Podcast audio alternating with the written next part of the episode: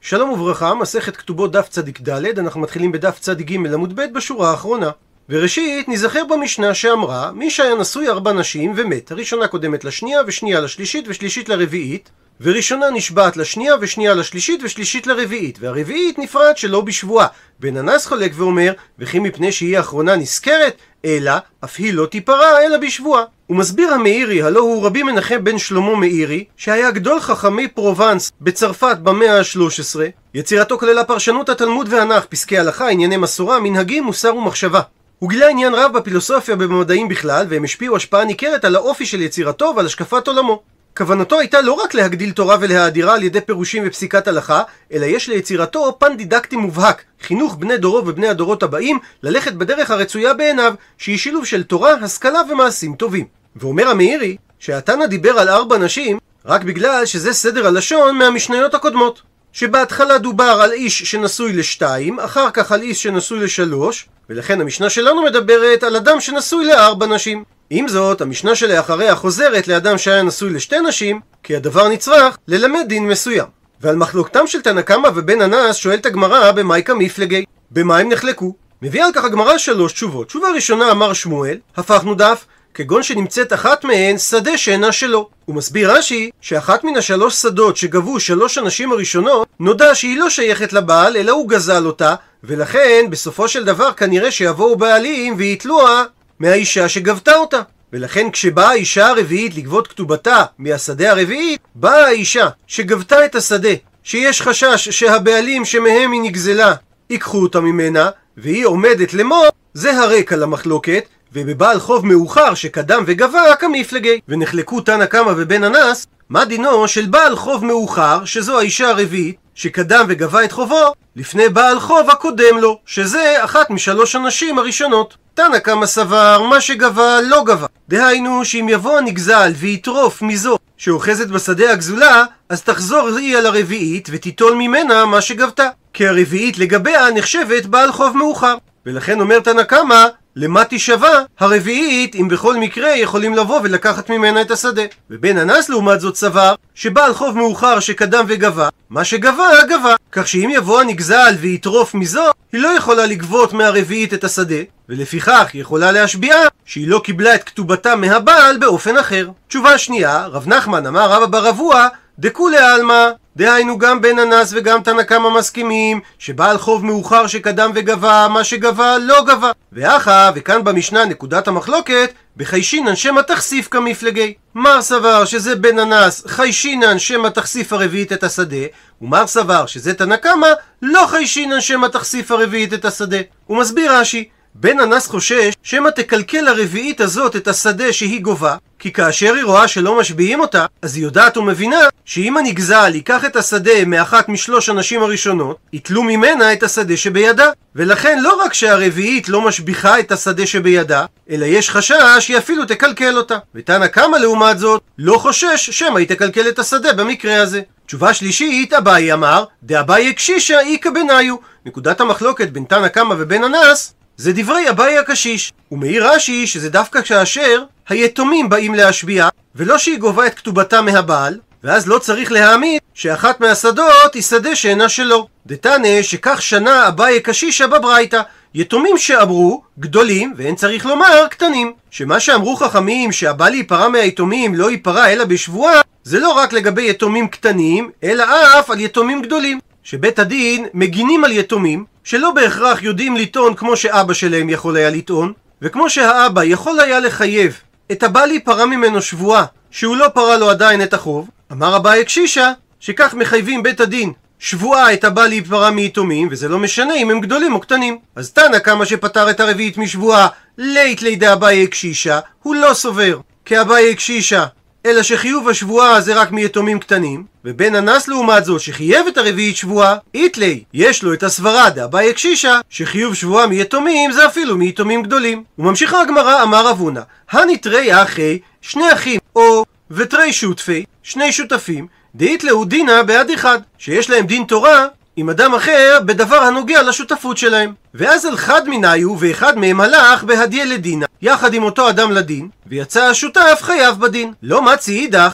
לא יכול האח השני או השותף השני למימר ל... לומר לבעל הדין, את לאו בעל דברים דידיה, בדין זה שנתחייב חברי, הדין היה מולו ולא מולי, ואני הדין עמך בחלקי, אלא הדין שהראשון שליחותי של השני עבד, ולכן הדין מחייב גם את השותף או האח השני. ובעניין הזה מספרת הגמרא, איקלה הזדמן רב נחמן לסורה, שאילו היא שאלו אותו את השאלה הבאה, כי היי גבנה מאי, מה הדין במקרה כזה שהשותף השני טוען שהשותף הראשון לא ייצג אותו. אמר לו רב נחמן, מתניתיני. ניתן להוכיח את הדבר ממשנתנו, שאמרה המשנה, הראשונה נשבעת לשנייה, ושנייה לשלישית, ושלישית לרביעית. הוא מדייק רב נחמן, ואילו ראשונה לשלישית, לא קטני, לא כתוב שהיא נשבעת. מה טעמה? לאו משום, האין זה בגלל דשליחות עבדה? שהשנייה מייצגת גם את השלישית וגם את הרביעית. ולכן הראשונה שנשבעה לשנייה לא צריכה להישבע לשלישית. דוחה הגמרא את ההוכחה של רב נחמן ואומרת, מי דמי? מה אתה משווה? זה בכלל לא דומה. הטעם, שם במשנה שלנו, שבועה לאחד ושבועה למאה. השבועה היא אותה שבועה, ואין הבדל אם היא נשבעת אותה לאחד או היא נשבעת אותה למאה איש. לעומת זאת, הכה, כאן במקרה שהשותף השני טוען שהשותף הראשון לא ייצג אותו בדין, הסיבה היא שאמר השותף השני, אילו אנא הווי, אילו אני הייתי מולך בדין, תעני נטפי. הייתי טוען טענות טובות יותר. ולכן לא ניתן להשוות בין המשנה שלנו לבין השאלה שנשאלה. מסייגת הגמרא, ולא המרן אלא, שגם אם יש לשותף השני טענה אמיתית, שבגללה הוא אומר שהשותף הראשון לא ייצג אותו נאמנה בדין, ולכן הוא דורש שבעל הדין יחזור וידון איתו, זה רק במקרה דלא איתי במטה, שלא היה השותף ישנו בעיר כשבא חברו לדין. אבל במקרה שאיתי במטה, שהיה השותף בעיר בשעה שבא חברו לדין, היא באה אלינה מאיתי. היה לו לבוא לדין, וכשהוא לא הגיע, הוא איבד את זכותו לדיון חוזר. ואגב דברי המשנה, על מספר כתובות שיוצאות ביום אחד, מביאה הגמרא איתמר פתיחה למחלוקת המוראים, שתי שטרות היוצאים ביום אחד, שאדם מכר או נתן במתנה שדה אחת לשני בני אדם ביום אחד, ושניהם טוענים לבעלות על השדה. רב אמר שהדין שהם חולקים את השדה, ושמואל אמר שודא דדיינה, שלפי ראות עיני הדיינים יטילו את הזכות והחובה. למי שיהא נוטה לב הדיינים, שהיה הנותן אוהבו או קרובו יותר, ולכן מסתבר שלאותו אחד הוא גמר ויקנה לו את השדה. אבל אם אתה אומר כשיטת רב, שהם יחלוקו את השדה, אז בוודאי אחד יקבל חצי מהשדה שלא כדין. ושואלת הגמרא, לימה רב דאמר כרבי מאיר דאמר עדי חתימה קרתי, הפכנו דף, ושמואל דאמר כרבי אלעזר דאמר עדי מסירה קרתי? האם נאמר שרב ושמואל נחלקו במחלוקת התנאים שקדמה להם? שרב אמר כרבי מאיר, שאמר לעניין גט שעדי חתימה הם עיקר הכרתות, דהיינו שעל סמך עדותם זה נחשב גט, וכן לעניין השטרות. ובמקרה שלנו, ששתי השטרות נחתמו ביום אחד ובמקום שאין כותבים שעות, הרי יש פה גילוי דעת שאין מקפידים על הקודם לחברו, כך שאפילו אם אחד נחתם בשחרית והשני במנחה, אין זה גובה יותר מזה. ולכן לא שייך לומר פה שודא דדיינה, שהרי אין אדם יכול לייפות כוחו של האחד משל השני. ושמואל לעומת זאת מסתדר לפי דעת רבי אלעזר, שהוא אמר במסכת גיטין, שגט, אף על פי שאין עליו עדים, אלא שנתנו אותו בפני עדים, האישה גובה מנכסים משועבדים. כי עדי המסירה הם עיקר הגט, ואין העדים חותמים על הגט, אלא מפני תיקון העולם, כי ייתכן שמא ימות עדי המסירה, או ילכו למדינת הים. ועל אותו עיקרון במקרה שלנו יש לומר, שמא אחד ממקבלי השטר היה חביב על הנותן יותר, ולכן הוא קדם ומסרו לו, ואת השני הוא יטעה. וכאשר אנחנו לא יודעים בוודאות מי קיבל את השטר ראשון, אז אנחנו אומרים שודא דדיינה, שלפי מה שהדיינים רואים, מי מבעלי השטרות היה רגיל אצל נותן השטר יותר, מסתבר לומר שהוא קיבל את השדה, שכפי שהסברנו קודם, שודא דדייני עדיפה מחלוקה, כי בחלוקה אחד הצדדים ודאי מקבל דבר שלא מגיע לו, לעומת שודא דדייני, שיש סיכוי גבוה שהשדה מגיע למי שאכן קיבל אותה. וקשה כיצד ייתכן שרב ושמואל נחלקו במחלוקת התנאים שקדמה להם. מתרצת הגמרא, לא חובה לומר שזו מחלוקת רב ושמואל, כי ניתן לומר דכולי עלמא, שגם רב וגם שמואל סוברים כרבי אלעזר, שנפסקה הלכה כמותו במסכת גיטין. ועדיין יש צד לומר ששודא דדייני עדיף, ויש צד לומר שחלוקה עדיפה. והכה, וכאן במקרה שלנו, באקא מפלגי, בזה הם נחלקו. רב סבר שגם בעדי מסירה חלוקה עדיפה, כי מדובר על ספק ממון והדין שיחלוקו, ושמואל סבר ששודא דדייני עדיפה. מקשה הגמרא על ההסבר הזה, ומי מצית מוקמת לה לרב כרבי אלעזר? האם אתה יכול להעמיד את רב כשיטת רבי אלעזר שאמר עדי מסירה קרתי? והאמר רב יהודה אמר רב, הלכה כרבי אלעזר בגיטין. ומספר רב יהודה כי אמרית קמא דשמואל, כאשר אמרתי את הדבר הזה בפני שמואל, אמר לי שמואל שהלכה כרבי אלעזר אף בשטרות. הוא מדייק את הגמרא מדברי שמואל, מכלל דרב סבר שבשטרות לא הלכה כרבי אלעזר, אלא חוזרת בה הגמרא מההסבר שרב ושמואל שניהם סוברים כרבי אלעזר, ואומרת מחברתא ברור הדבר שרב סובר כרבי מאיר ושמואל סובר כרבי אלעזר. וקשה איך הגמרא מקבלת שרב כרבי מאיר ושמואל כרבי אלעזר, כאשר קודם היה קשה לגמרא, איך ייתכן שרב ושמואל יחלקו במחלוקת התנאים שקדמו להם, שרב כרבי מאיר ושמואל כרבי אלעזר? שאלה זו מוזכרת בספר שיטה מקובצת, המכונה גם אספת זקנים. השיטה מקובצת הוא אוסף נרחב של פירושים וחידושים על התלמוד מאת חכמים שונים, למין סוף תקופת הגאונים ואילך. מחבר הספר הוא רבי בצלאל אשכנזי, שהיה שליח דה רבנן ומגדולי חכמי ורבני ירושלים ומצרים במאה ה-16. במצרים למד רבי בצלאל אצל הרדב"ז, שהיה רבה הראשי של הקהילה שם, ולאחר שעלה הרדב"ז לארץ ישראל, החליפו רבי בצלאל בהנהגת הקהילה במצרים. בעקבות מאבק שערך רבי בצלאל לטובת הקהילה כנגד אדם שבא להשתרר על הקהל, הוא נאלץ לעזוב ולעלות לארץ ישראל. בירושלים הוא התקבל בכבוד רב, ונבחר לעמוד בראש הקהל, הן מצד קהילת הספרדים והן מצד קהילת האשכנזים. הוא היה בקיא בשפת השלטון וידע לייצג את הקהילה היהודית בפני השרים. הוא ניסה להציל את בית כנסת הרמב"ן מידי הערבים אולם לא הצליח בכך. כמו כן הוא שלח שליחים ואף יצא בעצמו למצרים, סוריה וטורקיה כשדר, שליח דה רבנן, כדי לאסוף כספים לצורכי הקהל. בדמשק הוא התקין מגביות שנתיות קבועות לטובת ירושלים, ומינה גבאים מיוחדים לשם כך. הוא גם הרבה לעסוק בהשכנת שלום בין העדות השונות בקהילה. היו לו מספר תלמידים מפורסמים, אבל תלמידו החשוב והמפורסם ביותר היה רבי יצחק לוריה, הלא הוא הארי הקדוש. כמו כן, נודע גם תלמידו רבי שלמה עדני, בעל פירוש מלאכת שלמה על המשנה, וגם רבי אברהם מונוסון, ראש ישיבה ודיין בקהיר, היה תלמידו. וכך שואל רבי בצלאל אשכנזי, ואיך יעסקינן מחברתא, כיצד יכול להיות שלמסקנת הסוגיה חוזרים לתירוץ שרב כרבי מאיר ושמואל כרבי אלעזר, והרי מעיקרא זה בדיוק מה שהקשינו, איך ייתכן שרב כרבי מאיר ושמואל כרבי אלעזר? שהרי דוחק לומר שנחלקו האמוראים במחלוקת התנאים שקדמו להם. עונה על כך רבי בצלאל אשכנזי, שמעיקרא בשלב השאלה הבינה הגמרא שלרבי מאיר שסובר עדי חתימה קרתי בהכרח הדין צריך להיות חלוקה ולרבי אלעזר שסובר שעדי מסירה קרתי בהכרח הדין צריך להיות שודא דדייני ולכן היה קשה לגמרא איך האמוראים חולקים במחלוקת זהה אבל עכשיו שראינו שהגמרא תרצה שלשיטת רבי אלעזר ניתן לומר שחלוקה עדיפה על שודא דדייני אז ניתן לומר שרב סובר כרבי מאיר ושמור כרבי אלעזר כי חידש לנו שמואל שבתוך דעתו של רבי אלעזר עדיף לומר שודא דדייני וכיוון שיש בדבר סברה חדשה שלא היינו יודעים אותה מדברי רבי אלעזר עצמו ממילא לא קשה לומר שרב סובר כרבי מאיר ושמואל סובר כרבי אלעזר. מקשה הגמרא מאיתי וקושייה ממקור תנאי על דברי שמואל שהברייתא אומרת שני שטרות היוצאים ביום אחד הדין שחולקין. זאת אומרת שחלוקה עדיפה על פני שודא דדייני, ואם כך, תיובתא, יש קושייה חזקה על מה דשמואל אמר. מתרץ, אמר לך שמואל, המאני רבי מאירי. הברייתא הזאת היא שיטת רבי מאיר, שסובר שעדי חתימה קרתי, ולשיטתו אכן לא ניתן לומר שודא דדייני, שהרי על פי החתימות בלבד יש פה ספק שקול, ולכן הדין שחולקין. ואנה לעומת זאת אומר שמואל, דאמרי, אני אומר כרבי אלעזר, שסובר עדי מסירה קרתי, ועל ידי שודא דדייני, אנחנו יכולים להעריך מי קיבל ראשון את השטר. מקשה הגמרא על תשובתו של שמואל, אי אתה מסביר שהברייתא שיטת רבי מאירי, אימה סיפה. מה תאמר על סוף הברייתא שאומרת, כתב לאחד ומסר לאחר, זה שמסר לו ראשון קנה. עד לכאן ציטוט הברייתא ומקשה הגמרא, והיא הברייתא שיטת רבי מאירי, אז עמי קנה, מדוע קנה, זה שקיבל ראשון את השטר. האמר רבי מאיר, עדי חתימה קרתי. ואם שני השטרות הם מאותו תאריך, אין משמעות מי קיבל ראשון את השטר.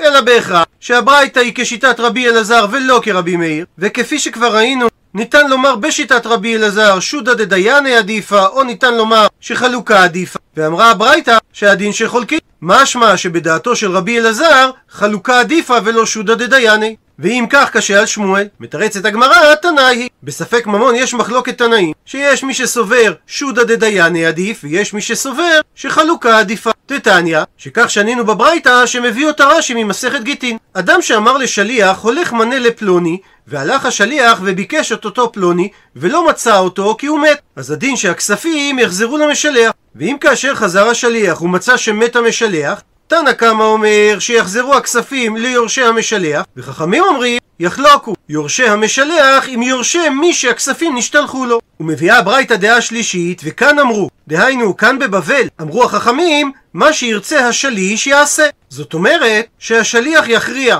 למי לתת את המעות, או במילים אחרות, שודא דדייני עדיפה על חלוקה. כך שלמרות שהברייתא של שני שטרות היוצאים ביום אחד חולקין היא אכן כשיטת רבי אלעזר, הפסיקה היא לפי דעת חכמים שאמרו שבספק ממון יחלוקו, אבל שמואל פסק כדעת חכמי בבל ששודא דדייני עדיפה. מספרת הגמרא, אימי דרמי בר חמא כתביתנו לניכסה, כתבה שטר מתנה על נכסיה לרמי בר חמא בצפרא, ובאותו יום לאורתא, דהיינו בערב, כתביתנו למר עוקבא בר חמא. כתבה שטר מתנה לנכסיה לאח שלו. ואומר רש"י שלא נודע למי היא מסרה תחילה את שטר המתנה. עתה בא רמי בר חמא לקמי לפני דרב ששת, ורב ששת הוקמי בנכסה. העמיד אותו בנכסים, דהיינו פסק לטובתו. מצד שני, עתה בא מר עוקבא לקמי לפני דרב נחמן, ורב נחמן הוקמי בנכסה. העמיד אותו בנכסים, דהיינו פסק לטובתו. בעקבות כך, עתה בא רב ששת לקמי לפני דרב נחמן, ואמר לו, מה איתה מעבד מר הכי? מדוע פסקת הפוך ממני ואמרת שמר עוקבא זכה בנכסים? אמר לרב נחמן לרב ששת, ומה איתה מעבד מר הכי? מדוע אתה פסקת הפוך ממני שרמי בר חמא זכה בנכסים? אמר לרב ששת לרב נחמן שהוא פסק שרמי בר חמא זוכה בנכסים מפני דקדים שהרי השטר שלו נחתם בבוקר וקדם לחתימת השטר של אחיו שנחתם בערב אמר לרב נחמן לרב ששת אטו בירושלים יתבינן דכתבינן שעות? האם אנחנו נמצאים בירושלים, ששם הקפידו על כתיבת השעה שבה נחתם השטר? וכיוון שלא הקפידו בני מקומנו לכתוב שעות בשטר, אז הם גילו שמנהגם שאין הולכים אחר הקודם לבו ביום, כך ששני שטרות שנחתמו באותו יום, שניהם שווים. אלא שואל רב ששת את רב נחמן, מר, מה איתם העבד אחי? אז מדוע אתה פסקת שמר עוקבא זוכה בנכסים, ולא פסקת שיחלוקו, שהרי שני השטרות שווים? אמר לרב נחמן לרב ששת, משום שודא דדיינה, שאני פוסק כרבי אלעזר, שאמר עדי מסירה קרתה, ולי נראה שמר עוקבא הוא הבן החביב לאימא יותר, ומסתבר שהיא קדמה ומסרה לו את השטר תחילה, לפני שהיא מסרה את השטר לאחיו. אמר לרב ששת לרב נחמן,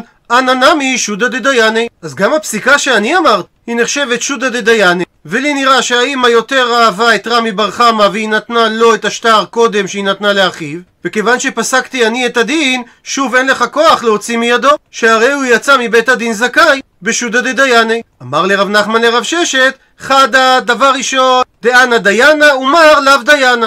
אני דיין על פי הנחיית ראש גלותא והישיבה, אבל אתה לא דיין כי אין לך סמכות כזאת. ועוד טעם, מדוע פסקתי אחרי הפסק שלך?